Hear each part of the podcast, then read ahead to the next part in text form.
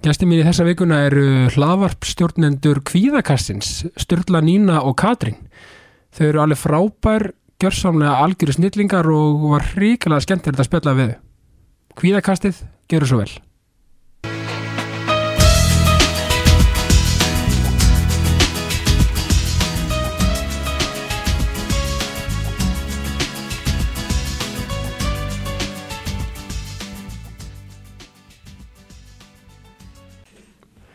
Já, kvíðakastið, velkomin í ákastið. Takk fyrir Hvernig hafið það í dag? Ég er bara aldrei verið betri Já, bara mjög góð sko. Aldrei verið betri. Já, ég er með hausverk Með þessu er. Ok, En annars góð það er alltaf eitthvað. Já, ég veit það Sko, Sturla, Katrín og Nína, þið eru sálfræðingar. Heldur betur Já. Og í rauninni áður en við förum í það, ég er náttúrulega þekki sko, ég þekki Sturla því að við eigum sko okkar, einn af okkar bestu vinnum, hann Örvar heitinn, mm -hmm. hann er sérst, við tengjumst í gegnum hann. Al Og ég var með Katrínu í, í HR. Já, Ég þú, byrjaði manst, að bli sálfræði. og þú manst bara eftir Ég ætlaði sko að segja þér í podcastinu bara eitthvað Við vorum saman hérna í HR að ég held að þú myndir ekki mjög eftir mér En ég myndi eftir þér Já, au- auðvitað mann eftir þér. Þetta, sko, það þetta er mjög, allir eftir þér já, þetta, þetta er mjög, og ég þekki Nínu, ég er að kynast þér núna, Já, bara, bara gaman og hef, Já. minn er heiðurinn. Já, sko, það var gaman, ég er náttúrulega byrjaði í sálfræði og ég fann strax samt einhvern veginn að það átti ekki um mig, það er ekki því að það var sko hérna, sko hópurinn og alltaf var, var algjör snild. Og námið áhugavert, ég, ég bara var ekki að finna sjálfur neistan í því sko. Mhm. þannig ég ákvað að róa önnu mið En það var mjög gaman að vera í bekk með þér. Já, sömu leiðis Og það var líka bara svona Þú veist, ótrúlega duglegur að spurja spurninga Já. Og varst svona bara einhvern veginn með þína skoðun líka Og myndaðir þér þína skoðun á öllu. Þannig að svona, þú varst mjög eftirmennilegur í bekknum. Ok, ég skildi þá eitthvað eftir. Það kemur Já, ekki óvart að, að þetta hafi verið þín upplöðin á honum. Ég kemur ekki óvart. Nei, einmitt, og það var alveg, ég upplega alveg svona missi þegar að þú fórst Já. já, Mér fannst það leðilegt, sko já, takk fyrir það ég, hérna, sko, þetta, var, þetta var skemmtilegt ég var í hálft ára, þetta var mjög gaman sko. sko, hvernig sko og eru þið, þú veist, ég veit að þú ert úr HR eru þið, Nína og Sturla, eru þið úr HÍ eða? Ég var í HR Og ég var í HÍ. Ok, áhugavert Þannig að sko, ert þú, ert þú að klára sérst, eftir Katrín þá? Ertu fast í bekk á Eða sko, þetta er svolítið fyndið. Kata útskast undan um mér í BS Já. En ég var undan henni að útskast á masternum sko. Ok, Þannig að já, Það var þetta ár, ég var ára undan honum í BS og Já. hann var ára undan mér í master. Ok. En ég fóð sérst í tölunafræði sérst Já. eftir BS í sálfræði og hérna og kláraði, já, eitt ár eftir til að útskriðast sem tölunafræðingur Ok, en svo bara fannst mér það ekki nóg skemmtilegt. Þannig ég ákvað að fara í masterinn og alltaf já. Stulla. Þannig að að eru öll með masterskráði í sálfræði Já, einmitt. Ok, það er, og það er rauninni þannig að þú þarft masterskráðu til þess að fá Já. að starfa sem sálfræðingur. Einmitt, fá, fá lefið Já, einmitt. Og sko, og sko rauninni, a- allt það sem ég spyr svona fyrst hérna í þessu kasti í þessu kasti hv- hvernig, og báða, þetta er fyrsti þáttur sem ég fæði það sem annað podcast er að koma til mín. Ah, gaman. Að hann gett grína þessu í áramótasköpunu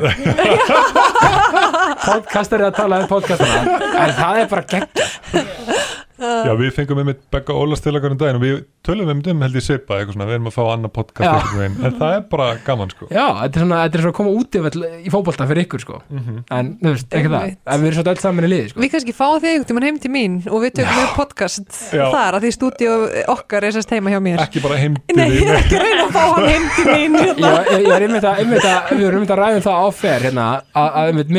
að að að, að er ekki fyndið að fá bara svona, eitthvað bara, einmitt, bara fá Becca Ólafs bara eitthvað að Jú, hæ, bara heim til mín já, og, og kæristu minni bara eitthvað, já, hæ, hérna, velkomin og já, já, kaffið það Já, einmitt, og svo eru kettirnir hann alltaf að Já, reyna að hoppa inn í stúdíóið og það heyrist ótt á upptökunni og þetta er bara þetta er bara mjög svona, gaman þetta er bara sko, svona heimastemmi mjög vinalegt. Mjög vinnarlegt, Mhm. en sko hver sko, hver er Katrín hver er Nína og hver er Sturla? Þú veist, hver eru þið, þú veist, ég veit alveg hvað þið starfið Já, og hvað þið gerir í, í hérna podcast-heiminum og þessu, en hver, þú veist, hvað er hver, eru- hver eru manneskunar mhm, og við byrjum á þig Katrín. Einmitt, það er stórt er spurt. Um, Ég er 30 ára já, og ég er frá Egilstöðum mm. fætt og uppalinn þar og flyt í rauninni til Reykjavíkur hérna bara til að fá mér þessa gráðu í sálfræði. Þannig að öll fjölskylda mín er í rauninni á Egilstöðum ok, þannig að ertu að flytja þegar við erum að byrja enn í háa, ertu þá að flytja söður? Já, Já, og bara eitthvað, þú veist, kerði ein eitthvað á bílunum mínum til Reykjavíkur og meir sé að sko mín fjölskylda þannig að Akureyri er eiginlega svona höfuborg Íslands. Þannig ég var ekkert búin að þú mikið til. Reykjavíkur. Þannig ég var bara eitthvað svona átti erfitt með að sofa fyrstu næturnar af því maður svo mikil umferðarhljóð og ég bara algjör sveita pía sko. Já, þetta er eins og ég fæ sko. Já, einmitt, nema ég fæði Reykjavík. Já, já, já okay. Þannig að það var alveg svona mikið, ef maður getur sagt menningasjokk að hérna flytja söður og bara ein líka, það var erfitt að hafa ekki kannski fjölskyldana með sér. Þannig að ég var alveg svona að stiga mig fyrstu skref þar. Já. og bara kemandi í háur og mér finnst einhvern veginn háur vera bara orða stór partur af lífi mínu að því að þar kynnist ég bara svo mikið að góða fólki sem er ennþá í sambandi við í dag og er svona verður mitt stuðningsnett svolítið af því að fjölskyldan er út á landi Einmitt. og ég, ég get sagt frá fyrstu hendi að Bekkur var mjög samheldin Já. og þeir eru vandalega ennþá að ekki í, í svolítið sambandi í Jú. Já. algjörlega og það er náttúrulega myndust einhverjum svona litla grúppur og maður er ennþá einhverjum saum og klúpum og eitthvað svo Já, Þannig að já, ég myndi segja 30 ára frá eistum um, Já, svo bara á ég kærasta og býð í garðabænum og tók ketti. Þannig að það kannski svona líka er eitthvað einkennandi fyrir mig Elska að lesa bækur og fræðast. Elska líka að gefa af mér. Já. eins og bara maður er í þessu podcasti. Já. og hérna og ég held að við séum öll þar og við viljum fræðast og líka bara deila fróðleik með öðrum. Einmitt. Þannig að ég veit ekki hversu langt ég á að fara með þessa mér bara eins og að það er svo gaman að finna mekanismin hjá manneskinni þið veitir, bak við allt sem það er að gera. Að þetta, er hlaðin spurning líka. Já, einmitt, og maður hugsa bara, ok, hver er ég? Bara út frá Einmitt. hverju, skilur það er svo margt, maður er svo margt. Já, og þá bara Nína? Já, já ég er sérst uh, fætt og uppalinn í Garðabæ. Já, og já, er þar ennþá, bara elska Garðabæn. já, stjarnan. Og, já, nákvæmlega. og á hérna, eins á stelpu var bara að koma úr fæðingaralöfi og mér finnst bara ótrúlega gaman af bara allt tengdu bara manneskinni og bara hérna að vita bara þú veist af hverju fólk gera það sem það gerir. Og fór það í sálfræðina og hérna svo er ég bara ég held að ég yrði bara einhvern veginn eilíðar nemandi, Já. þú veist ég myndi bara svo fer ég doktorsnám og svo bara þú veist vera bara í einhverju svona rannsóknum og svolítið bara að vera nemandi alltaf Já, En svo finnst mér líka bara, það er stór partur af mér líka að þetta að vilja deila þekkingunni sem að ég er búin að fá öðlast í gegnum aðra og þess vegna finnst mér svo gaman að vera eins og sálfræðingur og vera með podcasti sem vera með hérna kviðkasti. Að ná einhvern veginn að bara að deila þekkingu sem ég finnst einhvern veginn að allir ættu að vita. Og já, svo er ég bara, hef ég líka bara mjög gaman á lífinu, þú veist, og finnst mjög gaman að fara bara út með vinkonunum að dansa og skemmta mér og, og svona, og þú veist, er mjög svona, mjög mikið félagsvera, finnst mjög gaman að vera kringu fólk. Og já, bara, ég held að það svona kannski sumrar já, mig upp. mjög gott sko, er ekki líka svolítið mikilvægt sko að, þegar fólk er að vinna sem sálfræðingar þú veist, að, þú veist, það, er, svona, það er svolítið erfitt að vera introvert vantarlega í því. E, e, skiljið, þú veist svona, maður þarf að vera nokkuð svona opinað ekki og svona, svona það kannski Jú. ekki eitthvað kriterja, skiljið en, Nei, ég held að það sé svona kannski að bara að vilja, viljan til að tengjast já, já, og það sé kannski ekkert endilega þá að þurfa að vera kannski svona óbyrðin fyrir að tengjast mörgum Nei, þú veist, nei, og vera nei. svona extrovert einhvern veginn en svona bara viljan til þess að tengjast annari mannesku og vera svolítið kannski geta opna sig Einmitt. líka að einhverju leiti einmitt og það sem er líka bara svo frábært við þetta er að því að menna, fólk er alls konar og sálfræðingar eru líka alls konar Náka, og er að díla við sitt og allt þetta Einmitt, Já, og það já. er svo geggja bara ég get farið til sálfræðings og bara fundið ekki tengingu en þá get ég bara fundið einhvern annan. Já, já, en það er ekkert sjálfgefið að maður mæti til sálfræðings og bara tengi einhvern veginn strax. Maður þarf svolítið að finna hver er minn sálfræðingur einmitt. og þess vegna er svo gott að við séum bara ólík og mörg og kannski bara einhverjir meiri tilbaka en einhverjir meira út á við. Og, og, og, og það vantar ekkert svekkelsi skilur ef, ef ykkur, meina, það vantar að segja þá bara er bara, heyrðu, ég er ekki alveg að tengja hérna, þú veist, ég, ég er að vera að leita eitthvað annað. Já, og, og, og það er ekki það alveg. þú veist, þetta er bara svona Nei, og við spurjum bara í lók tíma bara hvernig var þessi tíminn, viltu Mhm. koma aftur? Já. við erum rosa mörg hérna, þannig að bara alveg sjálfsagt að finna annan sálfræðing sem henda betur. Já. og við bara opnum á þærinu og búumst við því frekar en ekki að það geti gest Já, því að það er örugglega svo, það er svo mannlegt fyrir fólk að vera svona feimið að segja, á þetta var bara, gekk bara vel og eitthvað svona, æ, þið veitir, þú veist, algjörlega. Þannig að hérna, já. Og þá er að styrla Já, emmitt, emmitt, emmitt Mér á búið að kvíða fyrir þessa spurningu, ég Já. er sem kemi og bara beint í þetta. Það er gott að veita sálfræðinga kvíði líka. Það er mjög gott. Við erum með já, tilfinningar. Já, já, Mm. Sko, ég er 33, svona smá borgabatn, ég semst var samt á Selfossi aðeins, svona í leikskóla og svona, en ég flutti bæinn ekki alveg í háar heldur meira bara í öðrum bekki grunnskóla þannig að ég já, er svona búin að venjast hljóðunum og svona látum umferðinni og svona. Já, já, já, já. Cut Ég líka, by the way. Um, sko ég, mér veist ég aldrei hafa eitthvað svona haft beinan eitt stefnu almennt svona, ég hef oft vilja bara svona um, ég hugsa oft um svona fjölbreytna mjög jákvæðan hátt sko þú veist eins og áðinu fyrir sálfræðin ég var eitthvað á ég að vera múrari á ég að vera sálfræðingur, ég var ekki viss og svo langaði með að vera leikstjóri og ég kláraði mm. kveimutaskólan þannig ég er svona ég er svona einhvern veginn áhugin yfir alltaf rokka á, á mörgum sviðum sko en ég finn alveg, ég finn mig mjög vel í, í, í sálfræðinu og mér var skamn þú spurður einmitt svona, er hægt að vera óslega introvert í jobbinu sko Mhm. og ég tengi það sem ég segi alltaf við fólk ef ég spurður eitthvað svona út í þetta og segi alltaf bara, þú veist, ef út bara forvitin eðlisvari og þólimóður Mhm. Þá held ég að þessi svona tveir helstu kostinir sko, að þú þarft að vera forvitin og þarft að vera þólimóður til þess að hlusta á fólk Já. allan daginn, skilur við tala um, já. já, bara allt og ekkert sko. Og alltaf að vilja grafa svolítið dýpra kannski og, Já, algjörlega og láta fólk pæli ykkur sem það er kannski ekki pælt í áður og svona koma staði hver er rót vandans og hvað er það sem er að í rauninni að ít þessar hæðun í gang sko, Já. eða hvað er að við hella kviðan og svo frammeðis en annars á ég á ég er líka með tvö börn uh, stelpur sem eru á sjö, strákur minn og nýja og þryggja Mhm. og ég tek því bara fórhaldar hlutverki mjög alvarlega og ég bara dyrka að vera með börnunum mínum og, og hanga með þeim og gera eitthvað skemmtilegt og svo erum við tvo ketti líka eins og kata. Já. algjör kúru dýr sko. Já. mæli með allt, allir að fá sér kött. Það er bara Mhm, Það bæti ekki hilsuna bæti ekki E- þeir eða hund.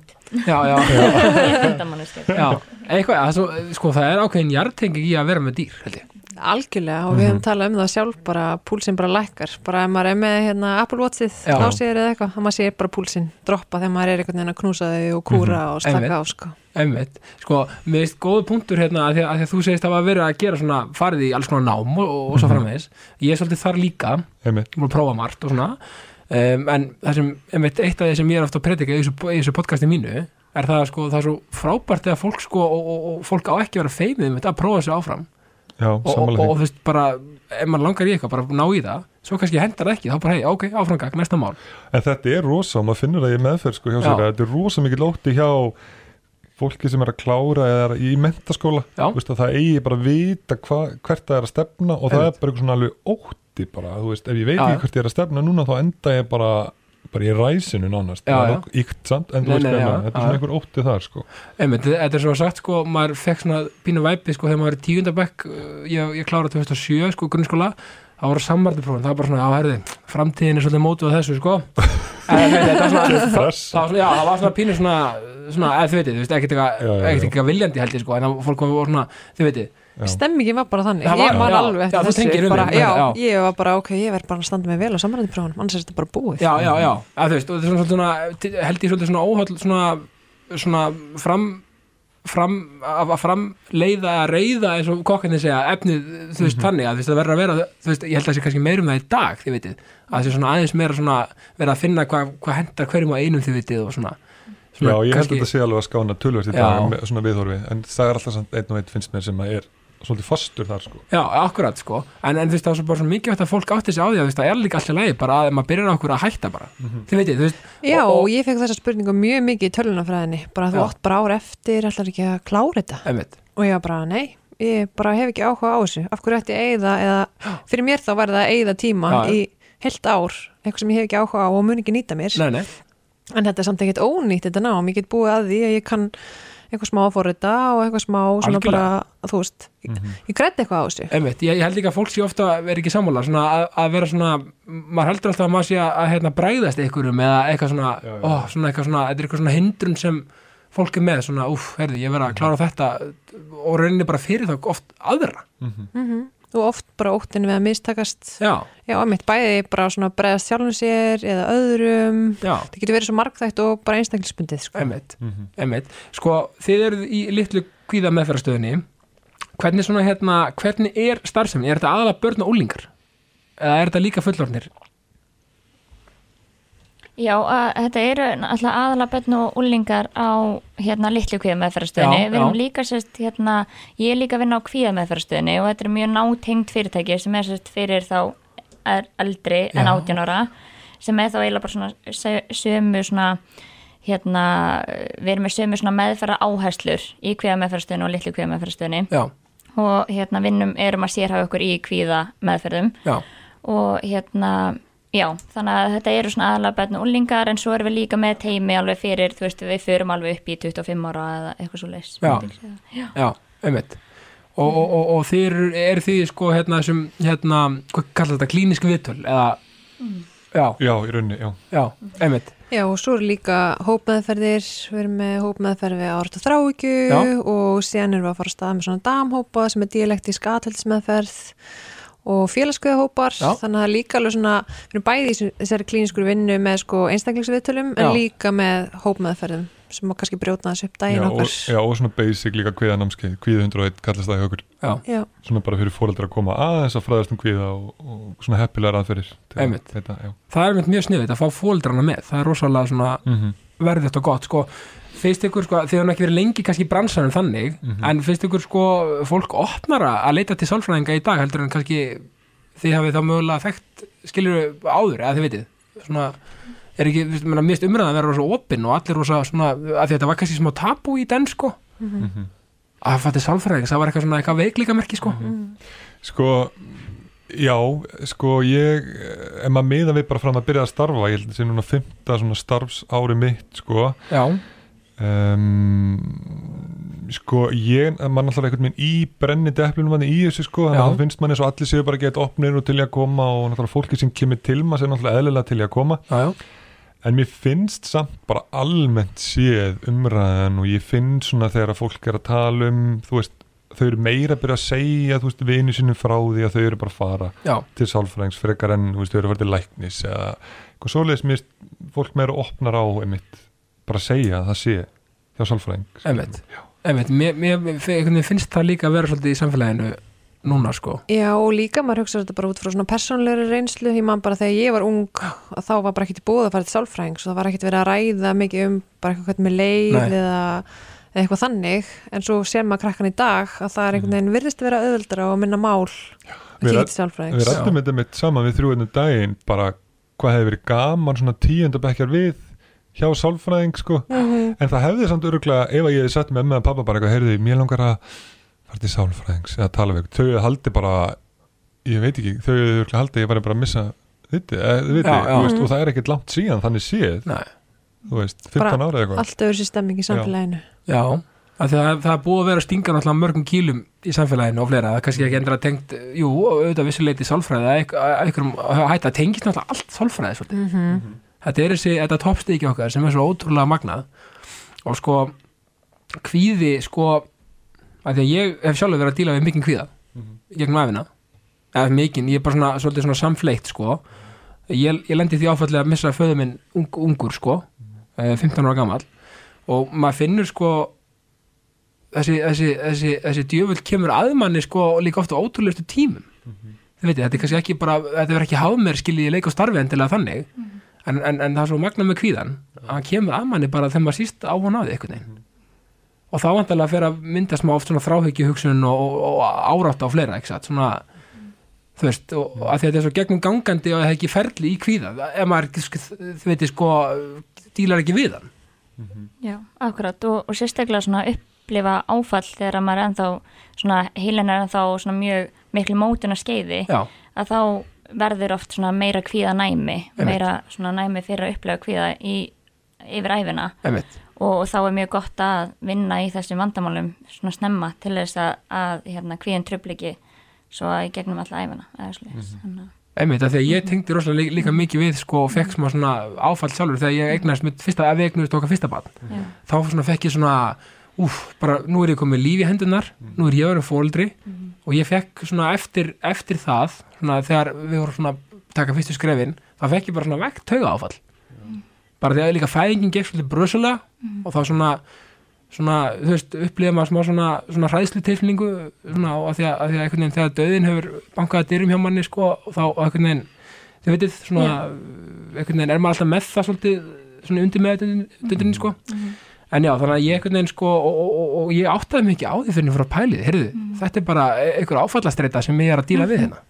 Akkurat og, og svona annað þú veist, uh, svona áfall sem að kannski minniði á þetta þennan missi, Já. akkurat yfir upp allar þessar minningar, allar þessar tilfinningar sem þú fannst fyrir á þessum tíma Einmitt. og kannski hvað þú mistir af og eitthvað svoleiðis að þetta getur tengst alveg eitthvað svona að, aðrir atbyrðir setna æfinni að íta undir þessi gömlu áföll sem maður varð fyrir. Einmitt, af því að sko þegar maður hugsaður þetta sko og maður er kannski sko uh, þú veist, eh, maður hugsaður um áfall þið veitir, maður hugsaður bara ok þetta er bara, hann sem er ekki pælt í þessu djúft bara áfall gerist, maður díla við það svo einhvern veginn kemur ekkert að manni aftur svo það er bara búið, áfram gag, þetta er miklu flóknar en það, já, já.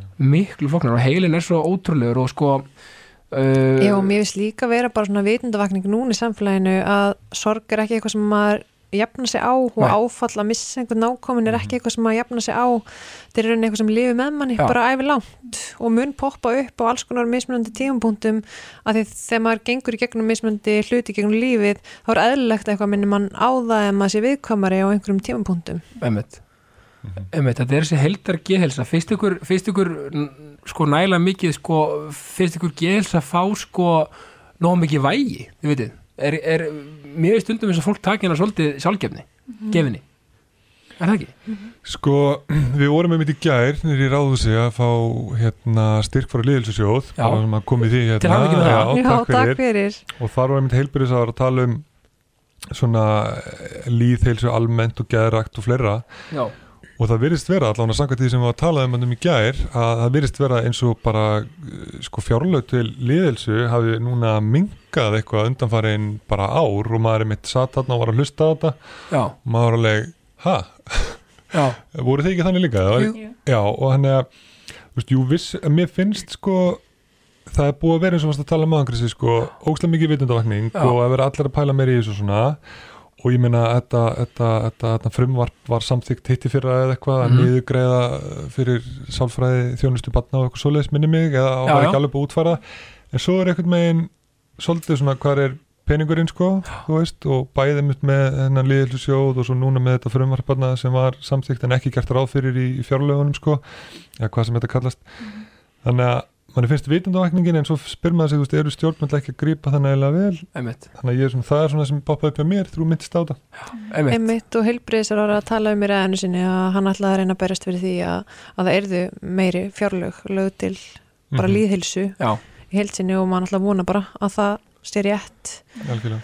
Einmitt að því að sko, eins og ég segi, þetta er svo ótrúlega flókið, þetta er veist, þetta er ekkit klift og skorið þessu beinbrott nei, nei, nei, nákvæmlega veist, og, og þetta er oft sko og maður er einhvern veginn sko, en, en, en ég líka get ímyndað mér að það er svolítið bara, sko, rosalegt stökk fyrir fólk að viðkenna andlega, andlega vandamál, þú veist, það er miklu meira stökk held ég, heldur en fólk gerir sér grein fyrir, Já, þetta er náttúrulega svo ógeðslega ósynlegt sko. Já, og hérna, þannig að jú, vissulega, það er, þetta er hans, já. Já, þetta er, svo, þetta er svolítið flókið. En fundið fyrir sko kvíða aukningu, eins og í kringum COVID og svona, þú veist þú veist, fundið fyrir þú veist, já, kannski ykkar vinnu og kannski samfélaginu almennt, fundið fyrir svona ákveðinni kvíða aukningu, kannski á ungu fólki sérstaklega, við erum náttúrulega að, að vinna með börnum og úlingum með kvíða fyrir Einmitt. þannig að svolítið kannski erfitt fyrir okkur að sjá þú veist, eru, er fólk kvíðnari Mm. núna heldur en áður en svona almennt í samfélaginu að ég veit að það eru núna tölur að koma þarna hjá, þeir voru að tala um þetta í líðhelsu sjónum að, Mhm. að að, uh, hérna, að það er sérst, komnar tölur sem að sína bara andlega líðan hjá úlingum hefur ekki verið svona slæmi í mjög langan tíma. Já, og það er bara bæði þá kvíði og þunglindi og er náttúrulega bara bæði þessi einangrun ítir svolítið undir bara deburð og, og þetta svona bara áhugaleysi og minni ánægja hlutum. Og, og svo þessi kvíði er kannski meira þá hvenar hvenar verður aðlegt líf og, og hver, veist, hver, hver eru áhrifin á þessu mun ég geta tengst aftur við vini mína er ég, þú veist, búin að missa af einhverju, kannski, þú veist að ég tengdi ekki við einhverja vinahópa í mentaskóla út af því að ég var bara heima í fjarnámi allan tíman, þú veist, þannig að að einhver leita á myndu við segja náttúrulega að þetta er búið að hafa mjög mikil áhrif á líðan úlinga Já. og barna. Það, þess, þetta ástand. Já, og það var náttúrulega líka bara svo ótrúlega mikil óvissa fyrst þegar faraldurum var að koma og það er eðlilegt þegar við vitum ekki hvað við erum að díla við við þessa veiru, hvernig hún haga sér hva, hva, hvernig við veikjumst af henni, það er náttúrulega svo ótrúlega mikil óvissa og það Já. er eðlilegt að spretta upp kvíði þannig að það er mjög eðlilegt að kvíði hafi aukist í samfélaginu í kringum það, það er bara í samræmi við aðstæður. Við líka að hugsa ykkur sko fyrir þess að krakka sko, kannski sérstaklega í mentaskóla eins og að þegar við erum að reyfi sko, fara í manneskjumnar áðan og, svona, og háskólan og svona um, hugsa ykkur sko, það er sumir að ég held, ef ég fer ekki með nátt mál sem mögulega bara er að útskrifa, að því að nú er hann þryggjára sko, dæmi í einhverjum skólum allavega. Þau sumir bara valla fengu bara smjörþifin af mentaskóla þau sem, sem mentaskóla Emmitt, sem eru bara að því svo þessi krakkar líka fá bara skilbúð þetta eru bara ári lífsþíns og, Já, og þú mátt ekki missa þeim. Þetta er bara aðalmálið, þannig að þau upplifa líka svo mikið missi að því að þau halda að þetta sé bara það stærsta og besta við úlingsárin einmitt. Já, mín upplifin var alltaf einmitt, sko, þegar maður var að tala um mentaskóla krakka, þú veist, það var bara krakka sem voru að byrja mentaskóla, þarna 2020, þannig um hausti, þegar Mhm. COVID var, að það var bara, ég vorkendi þeim bara langmest, sko. Ég, ég fann svona mest til með þeim og svo er þetta sumi skjólstengar maður búin að hitta alveg einhvern ár og svo ég finna núna, er þetta búið núna, maður er svo fljótur að gleymi sem maður er alveg bara, já, það var fjarnám bara þarna í eitt og allt ár, Já. maður það bara minna sig á það líka, hann að ég held og sérstaklega bara við sem þjóð og nú ætlum ég bara að peppa hérna Íslendinga mér vel. Á jákasti hérna. Já, já, ég held við séum svolítið þrautseg sko og ég held við séum alveg svolítið öllu hvað þetta varðar en, en það er samt leiðilegt og ég held að það séu margir sem hafa átt mjög erfitt með þetta. Já. eins og varst að tala um í mentaskólanum og hérna. Og líka bara eins og Nína myndist það á áðan sko að það sem ég var alltaf mest trættastu við og, og maður er að sjá alltaf meira og meira að fólk sem var að krakkar, úlingar, ungmenni sem voru að hætta í íþróttum sko já, að það er ekkit grín að byrja aftur í íþróttum sko. Veist, og mér finnst það eitthvað sem ég finn rosa mikið fyrir og bara eitthvað svona, já, ég var í fótbolta þarna 2020 en ég er ekki búin að vera. En veist, það er svo erfitt að byrja aftur. Það er það. Þetta er svona, þú veist, einmitt, maður hefur heyrt þetta einmitt að vera svolítið brottfall úr íþróttum og sko einhvern veginn þú veist það er svo erfitt veginn, þú veist, þetta er náttúrulega eitthvað sem enginn hefur dílað við áður bara efer sem er líka við lifandi í dag svona Mhm. heimsfaraldur sem við öll núna náttúrulega. Þú veist, það er svo erfitt og þetta er kannski líka svolítið áhugavert fyrir sálfræðinga það kemur eitthvað svona algjörlega eitthvað sem hefur algjörlega óplæður akkur Já. og ég meina við munum örugglega vera að díla við hérna eftirkostina þessu í einhvern x tíma. Já, ég held að veri, já, ég held að veri mjög gaman eftir ykkur ár að rýna tilbaka og, og hérna skoða hvað þeim átt betur fara og Já. líka bara sjá eitthvað tölfræði og alls konar, ég held að veri mjög áhugavert Já, bara hvað gerum við vel, hvað hefði mátt betur fara Já. og líka bara hvernig komum við undan þessu, hversu þraut sé eru við mm og, og ég held að sé líka útrúlega mikilvægt að hérna hjálpa eins og Stulli var að tala um Já. bara krökkunum að byrja aftur í því sem að skiptaðu máli sem þau þurft að hætta í út, af, út af COVID Mhm. Einmitt, sko, hvernig hérna ég, sko, það er ein áhugaverð spurning að sem ég veist mjög áhugaverð, sem mér er alltaf langt til að spurja sálfræðing að. Lendur kvíði. Er er eitthvað törm sem er þannig? Lendur kvíði, það er að segja sko kannski að fólk átti sig ekki á því mögulega að sé með kvíða, veist, er eitthvað svona einkenni eitthvað svona sko svona, svona alveg bara uh, svona augljós Sko, fyrsta sem þetta er í huga að, að hérna uh, sko, ég held að sé mjög margir með kvíðan sem er ekkert endilega að hafa mjög hamlandi áhrif Nei, og þá er hann automatist svolítið lendur af því að veist, hann er ekkert að trubla þenni skilur mig. Að það er allir með kvíða einhverju leiti Já, einhverju leiti, en Já. þú veist kannski með eitthvað bjargráð, skilur mig um, og sem er samt ógstlega leint og maður það kannski að tala við fólk um það og svo allt einu eitthvað svona, já, auðvitað, ég er náttúrulega þú veist, ég ringi alltaf í vinkonu mín að þetta gerist eða, þú veist, ég fer aldrei hérna á fimmtasköldum að gera þetta af því að eitthvað svoleiðis. Þannig að þetta er, þannig að þá er þetta ógstlega leint en maður er bara eitthvað með búin að móta lífið sitt í kringu það og þá automatist verður það svolítið leint, sko og er það flokkað undir þráhyggju þá? Eða? Nei, ég held að þyrfti eh, svona eitthvað meina svona kortleika það og skilgreina það mun betur Já, meginn, en já. já, já, já, þyrfti aðeins að pæla svona eitthvað meginn, Einmitt. sko, já, Já, að, bara svona árita þrá ekki að bara svona sér kvíða röskun Einmitt. sem að við svona þurfum að, já, að svolítið að greina sérstaklega. En mér finnst það bara mjög góða punktur hjá Stulla að bara að þetta svona skipulegja lífsitt í kringum kvíðan og, og þá einhvern veginn að komast alveg í gegnum dagana og bara þetta sé ekkert að trubla rosalega mikið en svo þegar maður spyr kannski mannskuna er þetta sem ég langar að gera, þú veist, langar er eitthvað, þú veist, er eitthvað stoppað af, þú veist, er kvíðin að stoppa þig af að, að þú veist, fara í aðra vinnu eða hitta vinnin eða gera eitthvað? Og ef að svara er já, að þá ertu er kannski bara kvíðin að trubla miklu meira heldur en þú geraði grein fyrir skilur mig. Og, og þetta er svona kannski lindur kvíða að, að við erum náttúrulega öll, þetta er tilfinning kvíði Einmitt. er alveg eðlilegur og við finnum all fyrir honum.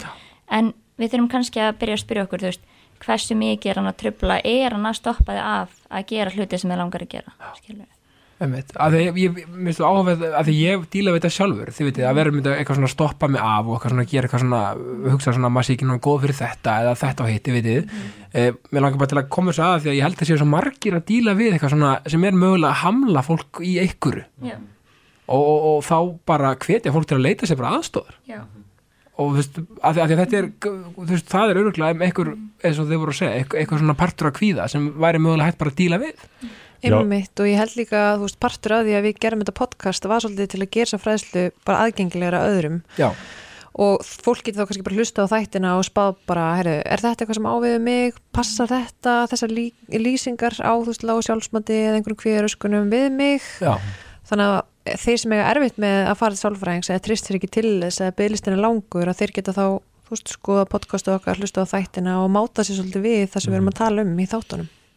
Já, mist líka að því að þú veist þegar fólk fyrir sálfræðings það færið oftast eitthvað svona spurningabúnt sko, bara eitthvað svona Já. skimuna lista, það verið að fara yfir almennan kviða, félagskviða og ártu þráki og fleira og að því við erum að tala um leindan kviða líka, ég held að séu margir sem að kannski fatt ekki að sé vandamál og svo allt í einu einhvern veginn er búin að merkja já og já í ýmslegt og maður er eitthvað svona já og byrja svo að spurja og þá er þetta eitthvað svona já, ég menn er ekki allir bara með ágjör af útlitinu eða er Já. ekki allir bara með "Mm, Já, svona upp að vissum marki og þá þarf maður að fara dý, dýbra í það Þannig, að- en ég held að fólk sé þá automatist bara halda þetta sé bara eðlilegt sko. Einmitt, einmitt.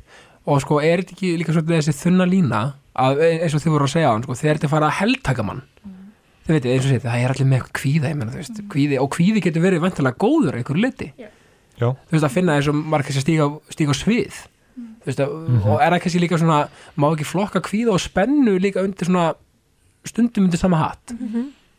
Jú. Að, já, það er kannski bara að uh, hérna kvíðin er meira svona þá er oft neikvæð útkoma svolítið í, hérna, í hugunum á manni að það munur koma einhver neikvæð útkoma meðan spenningurinn þá er munur vera einhver jákvæð útkoma en þetta er svona kannski sömu líkamlega enginni sem að koma fram. Þannig að það er oft mjög gott á að svona teimi sér en þú veist ég gæti líka bara skemmt mér óksla vel að sína þetta leikrit og bara ég mun bara þú veist að að það mun hlæja og þetta verður mjög gaman eða þá við getum hugsað þú veist þetta mun vera hlægilegt og engin mun hlæja og allt það og þá kannski breytist tilfinningin Einmitt. við út frá því. Þannig að svolítið svona að þessar hugsanir og tilfinningarnar okkar eru bara svo nátengdar að við getum ekki aðskilja það skilur við mig. Mér finnst það bara líka punktur að því að, að, því að hérna, eh, hérna, ég sérst að sálgrina mig hérna, hérna. Nei, en sko ég sérst hérna að því að þú talar um þetta samspil milli hérna, hugans og líkamanns þessi líkamlega enginni sem geta oft komið út. Mér finnst það svo áhugavert. Já. Að því að sko þegar ég verið að díla við kvíða þá hef mitt fæ ég þú veist, hef verið að fá líkamleg enginni sko. Já. eins og ég var rosa og hef og er alltaf rosa, lífrættur það bara tengist öruglega mínu áfalli eitthvað leiti og öruglega bara öllu leiti e, þá þú veist hugsa maður bara dæmi, maður hugsa hérna bara hrættu við hjarta áfall þá fer ég náttúrulega að fá hérna gamla góða verkin hérna fyrir brjóstið að þið Einmitt. nákvæmlega. Þetta er alveg ótrúlegt eh, þessi svona selló samleikur á milli hugans og líkamans. Akkurat, og þá er svona fyrir aðtiklin á það sem þú hræðist. Einmitt, og þá ertu svona meira að skanna líka mann og hvað er ég að finna fyrir einhver verkið um brjóstinu og þá verður meira stressaður við því og þá koma meiri verkir og, og þetta er svona svolítið hvað er aðtiklin okkar? Er, hvað hefur áhyggjur af? Og þá tengist það rosa mikið líka þessum líkanlegu enginum einmitt og, og sko en, en svo með heilan veist, er hann ekki bara eitthvað svona dæmi sem átt, áttir að rauninni vera miklu meiri framþróun í? Veist, Jú, algjörlega, Ja, ég held að við þurfum að læra miklu betur inn á heilan. Já, já, algjörlega. Að því að hann er svo ó, talandi um óplæðan akkur, hann er svo óplæður. Þú veist, Já, maður finnur líka, það er alltaf það er samt alltaf sem betur fyrir að koma meira og meira svona einhverja rannsóknir og jú, svona. jú, maður finnur það samt alltaf að maður að lesa eitthvað svona að maður bara svona átumendis reikna með því eftir svona fimm ár verið komið eitthvað nýtt bara eitthvað svona, Já. já, en það var líka þetta er öðruvísi partur eitthvað svona. Þannig að maður, maður er alltaf einhvern veginn með smá en sem betur fyrir búið að, að svona ná að skoði mislegt og einmitt yfirferða yfir á svona tilfinningar og liðan líka sem er gott einmitt til þess að normalisa fyrir fólki hvernig tilfinningar virka og árif á bara heilastarfsemi og fleira. Þannig að það er alveg búið að ná að skoða margt sem, já, að, já, sem er gott fyrir fólk að geta kynnt sér betur. Einmitt. Sko, ef við fyrir með þessi podcastið. Mhm. hvernig, hver á hugmyndina? Það er Nína. Já, Nína. ég í fæðingarólofinu mínu þegar að, já, ég bara er mjög mikið þannig típa að mér er mjög gaman að skapa og er bara, hug, bara hugmyndunar eru Já. svolítið mikið bara alltaf í gangi Listræn, listræn, já, já. og svo bara kom þessi hugmynd að mér, mér fannst bara vanta podcast sem að er í raun að ræða bara um geðraskanir, fræða fólk en líka á svona skemmtilegan hátt þú veist, Já. að við erum bara svona spjalla, við erum mannleg við erum að segja hvernig við tengjum við einhverja kveðraskanir og, og þunglindi og allt þetta og þú veist, þetta sé ekki bara einhverja svona prófessorar eða kennarar sem að þú veist, eru bara með einhverja glærur og eitthvað svo leis og, og líka svona að hafa þetta aðgengilegt að við erum ekki að borga þá bara 20 skall fyrir að mæta á fræðslu eða eitthvað svo Einmitt. þótt að það sé bara mjög eðlilegt að við borgum fyrir fræðslu frá sérfræðingum en við þurfum líka að reyna að komast einhvern veginn aðeins sem hópi sem að er ekki að fara að borga sinna á fræðsluna og þarf samt að fara og fá þessa fræðslu og vita meir um sjálf sig. Þannig að okkur fannst þetta bara vanta eða sérst, já, mér fannst það vanta hérna, að hafa, fá svona podcast hérna, inn í samfélagið. Og svo bara heyrði ég Katrinu og mér langa að myndi vera viðmælandi hjá mér. Og Ok. henni leist svo vel á þetta að- hún var til í að vera með mér í þessu. Og svo tölum við bara við stilla á þetta hann er að vinna með okkur og bara, þú veist, er bara svo ótrúlega skemmtilegur og bara, já, frábær. Ég get votta fyrir það. Já, þannig að þetta bara, svo bara gekk þetta svo rosalega vel og, og já, við erum alveg bara komið með hvað, sek- 15, 16 16 þætti, já. Mhm. Og bara, já, bara fá rosalega góða viðtökur frá fólki, bara bæði foreldrum, frá öðrum sálfræðingum frá úlingum, frá fullorðnum fólki, þú veist, bara já, bara mjög góða viðtökur. Við mitt að þegar þetta er líka sko þannig að gera það svo, eins og segir, aðgengilegt og, og örgulega fullt af fólki eins og segir sem þorði ekki að kannski að taka kannski, eða mögulega, þú veist, kannski vil ekki borga x mikið fyrir x fræðslu. Og þú veist, og þetta er eða, þú veist, ég líti á þetta sem ótrúlega skemmtilegt, fræðandi og, og svona ótrúlega mikilvægt efni, þetta er geggjað podcast hjá okkur, en á sama tíma er þetta svo ótrúlega þú veist, þetta er bara líka léttmeti þú veist, þú veist, þú veist maður þarf ekki að vera í einhvern kvíða til að hlusta kvíðikastið Nei, En ma- takk fyrir þetta, það var bara gaman að heyra. Já, bara ekkert mála því að þú veist, þetta er svo þú veist, þeir eru nýju skólinn í sálfræðinni myndi ég segja. Vá, einmitt, takk fyrir. Það er svona, þú veist, ekki nota þetta sem slókan sko, Já, nýju einmitt. skólinn. Nýju skólinn. Við erum bara að setja það bara á, hérna, á logoð okkar núna. Já, En svo, en svo finnst maður svo gaman sko að því að það er alveg og ég er alveg samanlega nýnu og okkur fannst vanta svona smá mitt frá svona fagfólki sem er ekkert með að tala um þetta allan daginn sko. En svo finnst manni samt líka þú veist það er alveg góð flóra líka eins og þú har komið með þetta podcast og okkur finnst það bara geggja sko. Takk. Og einmitt ég er búin að hlusta á þetta neður og finnst bara geggja. Og, og líka með Beggi Ólafs og, og, og fleiri hérna, hvað heitir aftur Nú þetta? er Berk- Hugrún að fara að koma á stað með podcast Já. Já. Geðfræðslu félagi í HÍ og svo er hérna verk, eða Dótakassin Já, eh, það er sálfræðingur. er það ekki Jú. sálfræðingur? Og einmitt fullt af hænlindur að þar þannig að þú veist, Það er alveg- svona að koma, já þetta er að koma og manni finnst það bara og maður fagnar því bara og popsálin hérna, sálfræðingur Já, líka með svona sálfræðilegt svona skemmtileg svona sjónamið og vera að tala um alls konar rannsóknir og svona, þannig að það er Já, það er mjög skemmtilegt. En svo held ég líka að okkur finnst bara svo gaman að gera þess þætti og ég vona að það skili sér inn í þættina og það gerir það? Já, takk. gaman. og mér finnst svo gaman einhvern veginn bæði að læra þeim og að læra einhvern veginn að því við lesum ótrúlega mikið fyrir þættin okkar. Við erum að skoða rannsóknir og setja okkur inn í alls konar málefni. Þannig að mér finnst ég greiða svo mikið bæði að vera að vinna með þeim að þessu en líka bara að vera að lesa sjálf og svo bara fá feedbacki frá fólki að hérna, ég held að við séum að græða örgulega jafn mikið eða meira já. já, við á endum þessu. með við endum með á tættin eitthvað svona, já hvernig fannst okkur og við erum eitthvað svona, já þetta var fínt. En svo veist, segir hann eitthvað á okkur, já en við allan að lærðum fullt. Og það er bara svona basically end góli hjá okkur Já. og vonandi þá myndi ég halda fólk. Að því að við, sko ég held sem sálfræðingar, sko, við erum að tala við fólk við höldum alltaf allir viti allt sem við erum að segja. Já, já. og ég held, er það ekki svolítið þannig mm. líka, er það bara ég, já. En um, fólk er ekkert að pæli þessum hlutum kannski eins og við 8, 9, 10 tíma dag allar dag og er ég fyrir oft bara því að ég verið að tala um kvíða viðbræð já, já, nú fyrir ég að tala um kvíða viðbræð hann veit örgulega allt um kvíða viðbræð og svo bara vita ekkert allir um kvíða viðbræð. Hvað er það báði? ó, einmitt já, einmitt. Það er í rauninni bara hérna, verið með svæði í heilanum Já. sem að heitir mandlan og það er svona kvíðað kerfið okkar. Og þegar við skinnjum einhver ógn eða hættu í umhverfinu að þá ræsist þetta kerfi í heilanum og þetta er svolítið svona eins og reikskinjari sem fyrir gang og Já. spyr er hætta. Og sendi svo bara skilabóð til líkamanns um að við um að hérna, berjast, flýja eða frjósa einmitt, til að lifa af og þá erum við að fá allir þessi kvíða enginni sem að þú lístir áðan. Já, hérna Krissi, að Einmitt. fá bara öðran hérslátt og hérna lungu fara að fullta, safna súrefni og við fyrir að skjálfa og fáum kannski stresspiss eða niðurgang og þetta hefur allt tilgang til þess að hérna fá einmitt meira súrefni til að hérna koma því, því í vöðvana eða blóðið fyrir að fara í vöðvana líka þannig að þetta er allt svona hefur þrónafræðilegan tilgang til þess að koma okkur úr aðstæðum þannig við lifum af.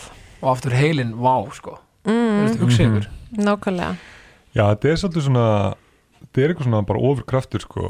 Þetta er, Já. já, maður er svolítið svona ofurmaður einhvern veginn þetta, þetta er, maður getur líka að hugsa til þessar viðbrags á svona ágæð, jákvæðsátt jákvæðan hátt vegna þess að þetta er þarna til þess að hjálpa manni. Já, stundum þarf maður, þú veist og maður getur líkt þessu við, þú veist, þegar bruna eins og Kata tala um brunabjallan fyrir ganga er ykkskinjarinn einmitt. Og stundum þarf maður bara aðeins að stilla hann eða skiptum batteri eða eitthvað svona og alveg svona, nei ok, hann á ekki að fara í gang núna hann að þá er svo gott að mynda að hafa eitthvað fæðilega sem er að benda manna og hjálpa manni aðeins að endur stilla þú veist, við þurfum ekki að bregðast við og líka minn þarf ekki að bregðast við í þessum aðstöðum einmitt, það sem við líka svo magnað við ykkar podcast er það að sko að því það er ótrúlega, eins og þið nefndu fullt af podcastum hann og það eru margir með alveg ótrúlega skemmtilegar og góðar skoðanir og, og það sem við upplifum okkar reynslu er á alltaf við, þið veitir eins og ég er að tala um mína reynslu og fleiri veist, bara í öllum sínum það sem það er að gera. En eins og podcast eins og ykkar þannig er að tala um sko, þannig er þetta eins og sé, þetta er léttmeti og þeir eru bara ótrúlega hress og skemmtileg en þeir eru líka með sko uh, hérna fræði hliðina með ykkur. Þannig að sko þú veist það sem þið talið um það er sko vísindarlega sannað af að örgulega flestu, flestu leiti einmitt og mér finnst það svo magnað sko að ná því sko að vera með staðrinnar á hreinu þið veitir, þið skiljum bara, bara hard staðrindir mm ásamt því að þess vantilega deila ykkar reynslu og svona, þið veitir, og svona hvernig þið sjá hlutina. Já, við reynum akkurat að leggja alveg áherslu á að reyna að koma með einhverja svona kannski skemmtilega rannsóknir eða staðrindir eða, þú veist, til að bakka upp það sem við erum að segja. En svo erum við líka bara að segja frá þú veist, já ég upplifði þetta svona þegar ég var úlingur eða þegar ég fekk fyrsta kviðakastum mitt og þá, þú veist, ringdi ég á sjúkrabíl eða eitthvað svona, skilur þú veist. Þannig að við erum svona að reyna, við erum bæði mannleg, þú veist, en erum líka að reyna að koma með fræðilegu hliðina með Akkurat. Og svo veist mér líka einhvern veginn svo frábært að við værum til dæmis ekki hérna með þér núna við værum ekki með þetta kviðakast þannig að mér veist líka við erum að ná að tengjast svo ótrúlega mörgum og kynnast öðrum bara bæði sálfræðingum, hjúkunarfræðingum bara öðrum podcasturum. Já, já. þú veist þannig að það er líka svo ómyndalegt með þetta podcast. Já, það er líka svo gaman sko með þetta form af, af, af list sem er podcast. Þegar ég, þetta er bara listform þið veitir, listin að spjalla, ég er ágættur í því og við öll. Þetta er svo það er þetta, einmitt, eins og góða punktur það er nýtt þetta á svo ótrúlega marga vegu. Einmitt, og þetta er svo, þetta ágættin alltaf við. Algjörlega. Þannig að þetta er svona, Ég held líka að því að þú varst að mynda að tala um eitthvað svona vísindilega sanna og ég held að sé Mhm. líka gott sko að því að við erum þrjú sálfræðingar að vinna í rauninni með bara mjög svipa málumni alltaf og eins og Nína mynd staðan kvíðamæðferðastöðun og litla kvíðamæðferðastöðun við erum öll ekkert með að vinna út frá svona þessum ham pælingum, húranallis með þessum pælingum og við erum öll ekkert með að gera svipaða hluti, við erum að hitta rosa mikið að skjálstæðingum og líka bara þú veist við erum að tala um ákveð málumni að við erum með svo mikið af svona einhverjum sögum baku okkur reynslu, hvað virkar og hvað er ekki virkað Mhm. og við erum svona einhvern veginn að læra hvort öðru líka þannig að ég held að það sé líka svo öflugt sko, við höfum svo við erum að hitta svo mikið af fólki og einhvern veginn átt, skilja hvað Já, algjörlega og svo er mér líka svo gott að því svo erum við með kannski svipaðan bakgrunn og erum með svipaðara handlegara og þannig Mhm. þannig að þá er líka svo gott að fá inn aðra fagæðla sem eru bara kannski Já. með önnur meðferðarform heldur en við og við erum Já. bara einhvern veginn bara viljum fræðast, erum bara forvitin og viljum fá bara að kynnast sem flestu. Og þannig að þá Mhm. erum við líka að hitta aðra fagæðla sem eru kannski með allt annan bakgrunn og, og annan kunnahópa bak við sig. Einmitt. Og við græðum á því og vonandi hlustendur líka. En er þetta ekki líka það sem gerir fræðin svo skemmtilega? Þú veist, þú veist, veitir, fræðin eru þú veist, þau eru eitt og reynsla og eitthvað er annað, en þú veist, það er mitt af, af, af svona, svona áskorunni mitt að finna nýfræði og svona uh, ég er bara slett orða á þetta svona challenge að sig sko við þú veist, einmitt, aðra pælingar frá öðrum fræðimennum í sömu grein. Einmitt. Þú veist, ég get tímið mér að það sé ótrúlega áhugavert. Já, og festast ekki í einhverju einu og vera opinn fyrir því að það sem maður er að nota sjálfur sé ekki eina rétta lausnin. Einmitt, að vera bara opinn og forvitin, ég held að við séum það öll. Ég held líka að maður komið svolítið úr náminni sko, af því að sálfræðina með rosa svona, þú veist, við að þetta og að og byrja maður þetta aðeins að opnast, maður byrja að skilja þetta aðeins betur og maður er svona, og við heldum séum bara að gera það rosa mikið núna einmitt, með að vera að spjalla við fólk og einmitt, koma hinga og tala við þig og svona og einmitt, og líta á þetta sem tækja til mér bara einmitt, að læra þér og allt það skilja. Já, við tölum um, um það á leðninga bara, já, við ætlum að læra eitthvað að krissa í dag. Æ, hvað er gaman að heyra. Ja, því að sko ég er með þannig, ég vil bara sko mitt markmið er mjög einfalt. Ég set út á samfélagsmiðla hverjum einsta degi mm. Og það er ekki fyrir like, það er ekki fyrir eitt neitt svona hégumafullt á mig. -hmm. ég vil bara ef ykkur einn af því ég fengi fólk út af gutt og sagði bara, vá hvað ég bara hérna, tók skilabóðin til mín um daginn. Mhm. og það er bara nóg ef ykkur einn að núti það er bara svona, "Ah, já þetta verður frábædagur Mhm. þá er ég bara sáttur. Og það er mitt markmið og, og eins og ég kem að í öllum þessum podcastu sem ég er búin að vera að gera þú veist, það, þú veist ég græt, ég skilur þú veist, ég er ekki bara eitthvað alltaf eitthvað bara, úlú, bara eitthvað svona sjúklega kátur. og það er svo mikið að fólk átti sér líka á því þú veist, þetta er bara rússipanni. Já, og vá hvað mér gott að heyra þetta því kannski einhverjir sem myndu sjá bara þetta þannig post sem þú setur Já. út sem er bara hérna, þú ert frábær og bara jákvæðinni og allt þetta en það er ekki alltaf þannig. Nei, nei, nei, nei, og alls bara auðvitað ert þú bara með tilfinningar líka og grætur og líður alls konar. Alveg og, og sko, og ég er með þakklættum konu minni eins og ég komið áður, við, hún er svona eh, svolítið minn sálfræðingur sko. Ég bara, veist, ég fann mig bara mi- minn rithmaði því að tala við hann um hlutina. Eins og um, um pappa og um bara allt sem við erum að bara amstrinu að díla við. Einmitt, og það er líka mikilvægt bara fólk held ég að finni sér eitthvað svona, einmitt svona punkt sko, það sem þið líður vel í, hvort sem það er að koma til sálfræðings eða tala við eitthvað nákomin, ekki satt? Einmitt. Veist, bara það bara sem hendur já, einmitt, Já. tröstið sko. Já, algjörlega. Og og hérna, bara dýrmætt og mikilvægt að finna einhvern og geta að tala um þessa hluti af því að það er svo erfitt að burðast með þessa hluti einn. Já, og það getur líka bara haft træðlar afleðingar að burðast með hluti einn. Einmitt, að því að pælið þetta er svo einfalt í rauninni, þó þetta sé mjög flókið þetta fyrir mjög marga.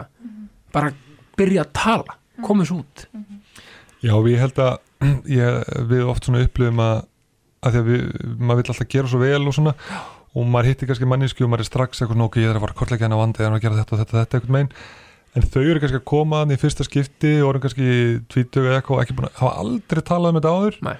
og þá þarf maður stundum bara veist, aðeins að slappa af og bara heyrðu, nú ætla ég bara að vera getur rólegur, ég ætla bara að hlusta og ég ætla ekkert að fara eitthvað tíu skrif fram í tíman af því að þú veist, þau hafa kannski aldrei talað um þetta áður. Einmitt, bara að það sé eitthvað til staðar og vera að veita um áhuga og er, þú veist, mitt forvitin og þólimóður og hérna, að það er bara nóg oft bara, einmitt þú segir, mjög mikið bara að tala um þetta sko. Einmitt. Já, og við náttúrulega tölum um þessu hluti allan daginn og erum orðin frekar klárið í að tala um þessu hluti. Þannig að það er öðult fyrir okkur að fara djúft og svo hratt. Við verðum að, að taka þetta til greina og hugsa til þess að við erum kannski að fá skjóls, skjólstæðinga til okkar sem að hafa mögulega aldrei eru kannski með einhver svona tröst vand, eða vandamál með að treysta öðrum. Þannig að við getum ekki einhvern veginn neittu í bara að ræða hlutina strax og fara í rótina strax. Nei. við verðum að byggja upp tröst og gefa þeim tíma og, og erum bara fögnuðum að þessu komið til okkar já, hugsa ykkur hugur ekki líka bara að koma til ykkar. Já. fólki. Og það þarf að átta sig á því. Nákvæmlega. Það er rosalega og það er sko bara eh, aftur, það er engin skömm. Það er bara, það að viðkynna vandan hjá sjálfur sér er það bara eitt af fallegasta sem ég veit um sko. Einmitt, sammála. Og mér finnst ég ennþá líka að vera ofta að heyra bara fólk þegar sérstaklega eftir fyrsta tíma sem er eitthvað svona, já ég var ekki viss um hvort ég ætti að koma, hvort þetta sé nú alvarlegt eða eitthvað svolítið, það er bara aldrei hugsað að vandin þinn sé ekki nógu alvarlegur. Bara það er ekkert sem er ekki nógu alvarlegt til að, að tala um við einhvern. Það er bara, þú veist og, og það er einhver ástæð fyrir að það er eitthvað búið að vera að trubla þig ef þú, ert, ef þú vilt koma og tala um einhvern skilur þannig að þú veist að já, bara hvetja fólk að sama, þú veist, sama hvað það er, allavega þá bara mæta í tvo tíma og ef að það er nóg, þá er það bara nóg. En ef að, þú veist, þannig að já, bara allavega að vera opinn fyrir því og ekki að vera, ekki að vera pæli í hvað, þú veist, að sálfræðingnum finnst þetta ekki vera nú alvarlegt, það, þú veist, við, það bara kvarlar ekki að okkur, sko. Nei, þetta er svo huglegt nefnilega. Það sem er að- grafa alveg fyrir einhverjum, einhverjum er kannski bara minniháttan fyrir hinn og, og, og, og svo framvegis mm og það er bara, já, bara góða punktur. Já, minnst það mjög góð punktur og ég, ég held ég hef aldrei hugsað þessi vandi mm, þetta er ekki alveg þetta er svolítið ómerkilegt. Þetta er svona lítið vandi sem, já, minnst að þetta er mjög góð punktur. Já, algjörlega. Og ég held að fólk og samfélagi bara held sinni þetta svolítið í hana samaburð og ég held að það hafi verið sagt við okkur öll eitthvað en hvað með börnin í Afríku? eða eitthvað svoleiðis. Já, og það er ekki hjálplegt að fara í að bera saman sinn sássöka við einhvern annan sássöka þú veist, þinn sássöki er bara alveg nógu alvarlegur. Einmitt, þú, þú upplifir hann svona og þú átt bara rétt á því að leita þér aðstöðar einmitt, þetta er svona ákveði kannski svona sársöka shame e- eins og heitir. En þið em, kannski aðstæðanlegt og aðstæðanlega orðað en þið vitið svona, þú veist, maður er að díla við sitt og það, það einmitt, það má ekki henda í mann eitthvað svona, já en þessi er að díla við þetta, þú veist, þú veist það, það er svo ósangjan, algjörlega. Að, að þú veist, maður er því miður bara, ma- maður vildi óska þess að maður geti hjálpað öllum, en maður er því miður ekki þar á, þú veist, maður er bara hérna Einmitt. að díla við sitt. Nákvæmlega. Já, það er bara eiginlega ekki raunætt að bera saman svona vanda sko, það er bara eiginlega meikar ekki senn sko, en, en, en fólk gera það samt sko. Emmitt, akkurat sko. Og líka að fólk átti að sagði, það er ekkert að ég vil meina, það er ekkert óyfirstíganlegt. Ég held að sé Mhm. bara hver, hvert einasta vandamál. Ég trúi því að sé lausn á öllu og ég held að það sé ótrúlega mikilvægt fyrir okkur sem sálfræðinga að við erum alltaf bara á þeirri hlið að það sé von fyrir skjólstæðingan okkar. Að því þau koma oft kannski frekar vonlust til okkar. Já. en við erum alltaf bara eins og við segjum on the other side bara of hope. Emmitt, eins og þú segir bara Krissi, við verðum að hafa von já, um að þetta getur verið betra. Já. ég meina sko það er alltaf ljós í myrkrinu og ég held í alvörinni bara, að, bara hversu bara mikið, miklu myrkri fólk er í og telur sér verið í. Það verður átti að sagði, það, það er alltaf og, og, og, ég held sko en ef maður ætlar að fara, til, fara og fá von og, og, sjá ljósið, þá verður maður að vilja það líka. Já, og ég held líka sko að því að eðlumál samkvæmt það eru náttúrulega málin þú veist, mistungi, veit, vorum Já. að tala um að það er alltaf vandi eða það er vandi, en hann er náttúrulega mis oft alvarlegur. Auðvitað. Og ég hef alveg lendið því að vera með þannig bara vanda með skjólstæðing og ég bara, maður er bara með, með litla von sko. Já. Og ég hef með talað með þetta áður þá myndist ég á þetta við köttu sinni og ég, hún, þú veist, ég var bara eitthvað, ég er bara, veit ekki, þetta er bara alveg sko, ég veit ekki hvernig Mm. ég á að breða mér í þessu eða hvernig ég á að snúa mér. Og hún einmitt sagði þetta bara, þú veist, hugsaði bara út í hvernig þetta verður þegar þið verið komin á góðan stað skilju, hvernig þetta verður þá. Og þá svona var ég eitthvað svona, ok, þú veist, þegar við náum þessu komist í gegnum þetta, þá verður þetta bara hundra svona betra, skilju, en allt hitt og það er bara, einmitt, það var mjög gott að heyra það og hérna, gott veganesti og ég, að því það er ekstra gott þegar hlutinir eru mjög slæmir og svo nærmar árangri með viðkomandi og maður sér viðkomandi blómstra og líða betur Mhm. og þá líka sálfrænga hjarta bara manni líður svo óskaplega vel þá eins og stull er að segja.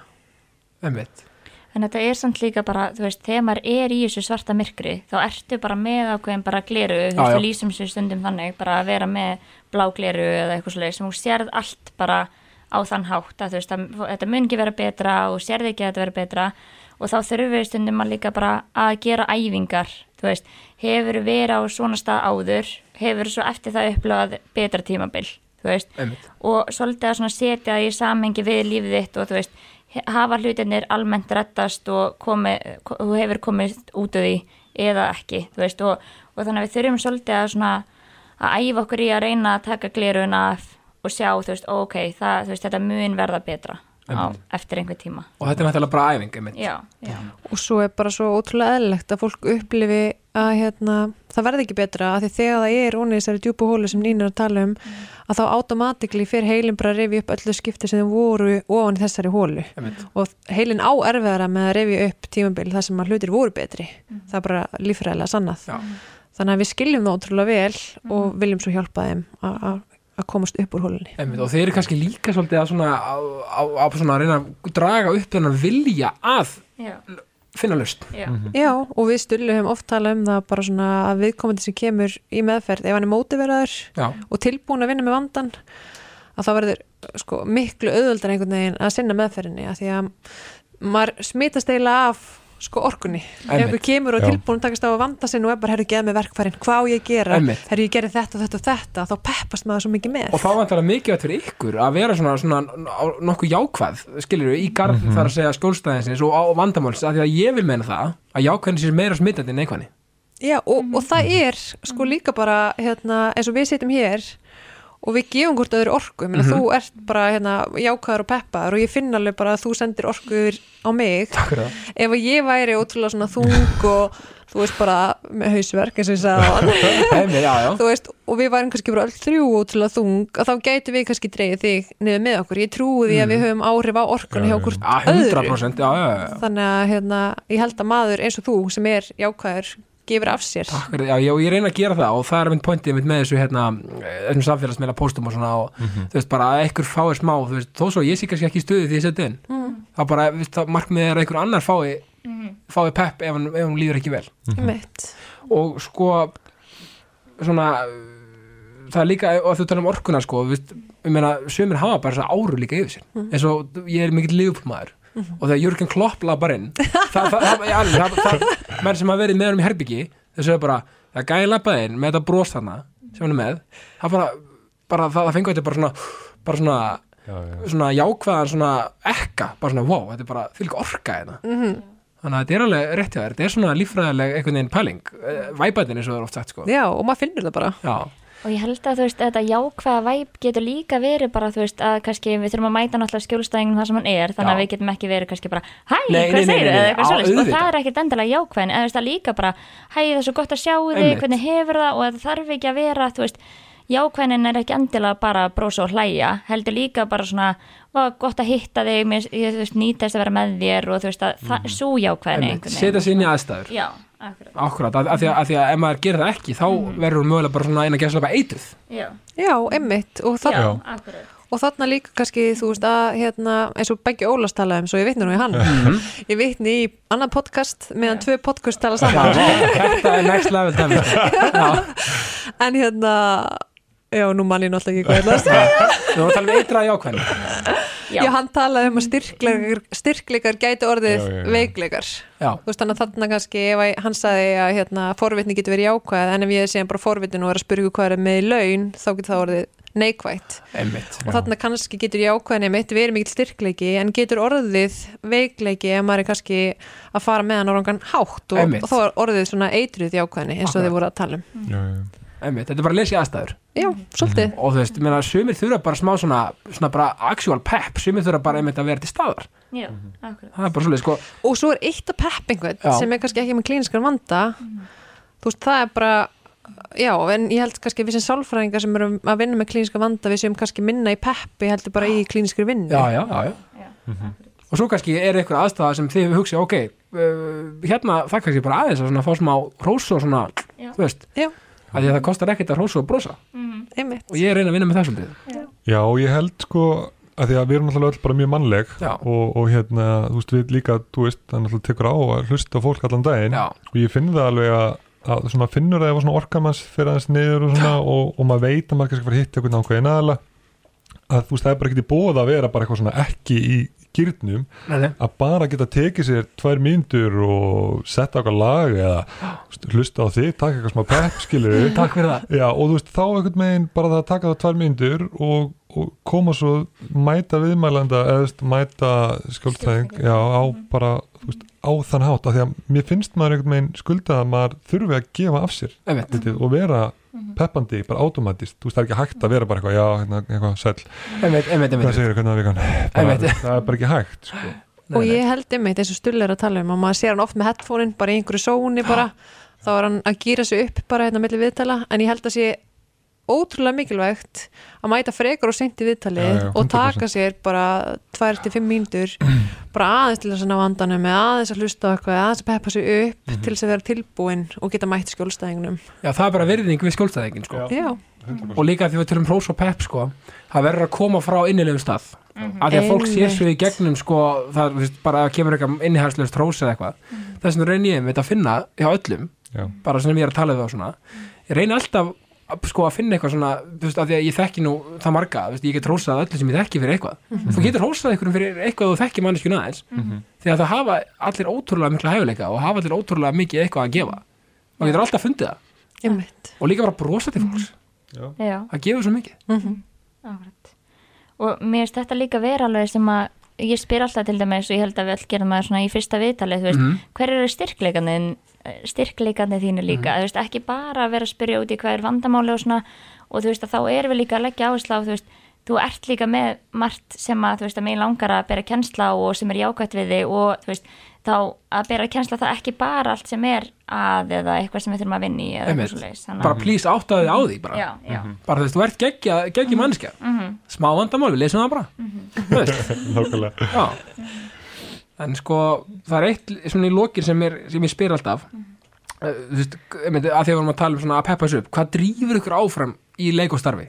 Er eitthvað svona einmitt, eitthvað svona, stulli setur headphone á og eitthvað lag eða peppa eða eitthvað þú veist, er eitthvað svona svona eitthvað mantra sem þau eru með, eitthvað svona bara rauninni sama hvað er, eða er það að spila tennis eða hvað sem það er, bara eitthvað svona sem þið peppið ykkur við Þetta er góð spurning mm. Ég nota bara tónlist rosa mikið Já. Eða, veist að, já, mér veist að hún breyta mikið skapinu mínu sko. Já, ég er mjög sammála því, hún alltaf bara gerir það. Já, og, og líka bara sko stundum þarf maður líka að gera sér niður. Eða svona, mér Já. finnst oft bara svona gefa mér orku að taka smá bara svona ég þarf að taka bara fimm mínútur og ég ætla bara aðeins að gera ekkert og bara aðeins að hlaða batterið og svo mæti ég bara spenntilegs Já, ég tengi þetta líka. Já, Já, einmitt, já, bara svona almennt sé einmitt, hvað drifur mann áfram? Um, Já, það er í rauninni bara svolítið, uh, þú veist, maður er náttúrulega með einhver ákveðin markmið alltaf, þú veist, hvort sem það er í vinnu eða, eða bara leik og heima og allt það, sko. Að bara einmitt svolítið að þú veist, hva, af hverju er maður að þessu? Þú veist, mér það alltaf svo mótuverandi, þú veist, til hvers er ég að mæti vinnuna og til hvers er ég að hitta vinnuna og til hvers er ég að mæti hingað og þú veist, ég er að læra og ég vil gefa að mér og ég held að það sé alltaf svona sem að drífa mann áfram og líka hafa þá okkur litlar aðferðir þú veist, frekar að mæta kannski seint í vital og sitta okkur gott lag eða fóra og spjalla við nýna eða kvötu og bara svona bara hlúa líka sjálfur sér, þú veist, það er líka oft svona mótuverandi partur að huga að því áður en maður fer að hjálpa ykkur með öðrum. Já, frábæð punktur. Sko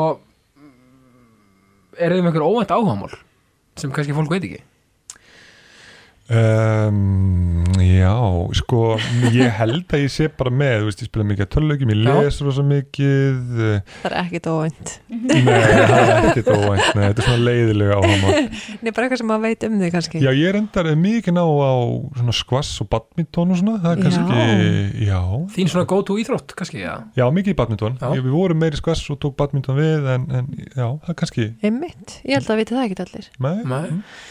Uh, ég veit ekki, það kannski við, þið þekkjum alltaf svo vel, það kannski kemur ekkur ekkert óvart. Ég hef verið í þrýþraut aðeins mist það gaman um, Æ, svo er ég líka bara með eitthvað svona basic, hreyfa mig og lesa og mm.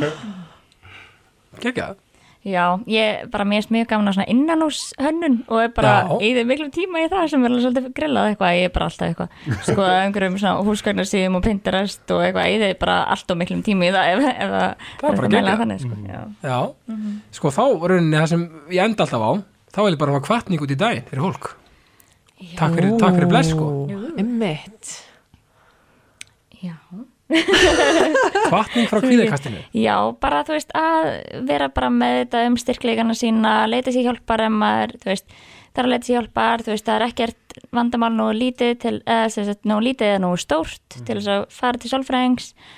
Og já, ég, Já, ég er mitt vorum við mitt að spjalla þessi morgun ég og Kata og, og svona, þú veist, nú er að koma páskafrí og maður svona finnur alltaf þegar er að koma svona frí og maður er búin að vera að vinna brosa mikið og svona og við vorum svolítið að tala um í morgunum mitt þú veist, við erum alltaf bara að gera okkar besta Já. og, og það er líka hægt einhvern megin og þú veist, ef maður upplifir maður sé bara að gera það að þá einhvern megin þú veist, getur maður bara verið sáttur sko. Einmitt. Já, Algjörlega. einmitt og bara, mér varst líka gott sem að stulli sagði, bara vera forvitin og, og vilja læra af öðrum og, því, og líka bara svolítið svona að skapa minningar Já, að því, meina, við vorum með að tala um að koma hinga, það er bara minning fyrir okkur að koma hérna öll saman, þrjú í kviðakastinu og, og vera hérna með þér. Já, algjörlega þannig að líka bara búið til minningar og gera eitthvað ánægilegt saman með fólkinu sem þið elskið. Einmitt. Nákvæmlega, það er gott inn í páskafríði sko. Eða ekki, Þetta tekið upp þá sko. Einmitt já. Þetta var reynd að koma út eftir það en, en, við, tökum þetta til okkur hér. Þannig hérna Sturla, Nína og Katrín, takk kærlega fyrir komuna í jákastið. Og bara þetta var mjög fræðandi og gott fyrir mig. Takk fyrir okkur, Takk bara að fá okkur. Já. okkur tekið væntu það Það. Bara sömulegis og ég enda alltaf á að segja ást og friður. Takk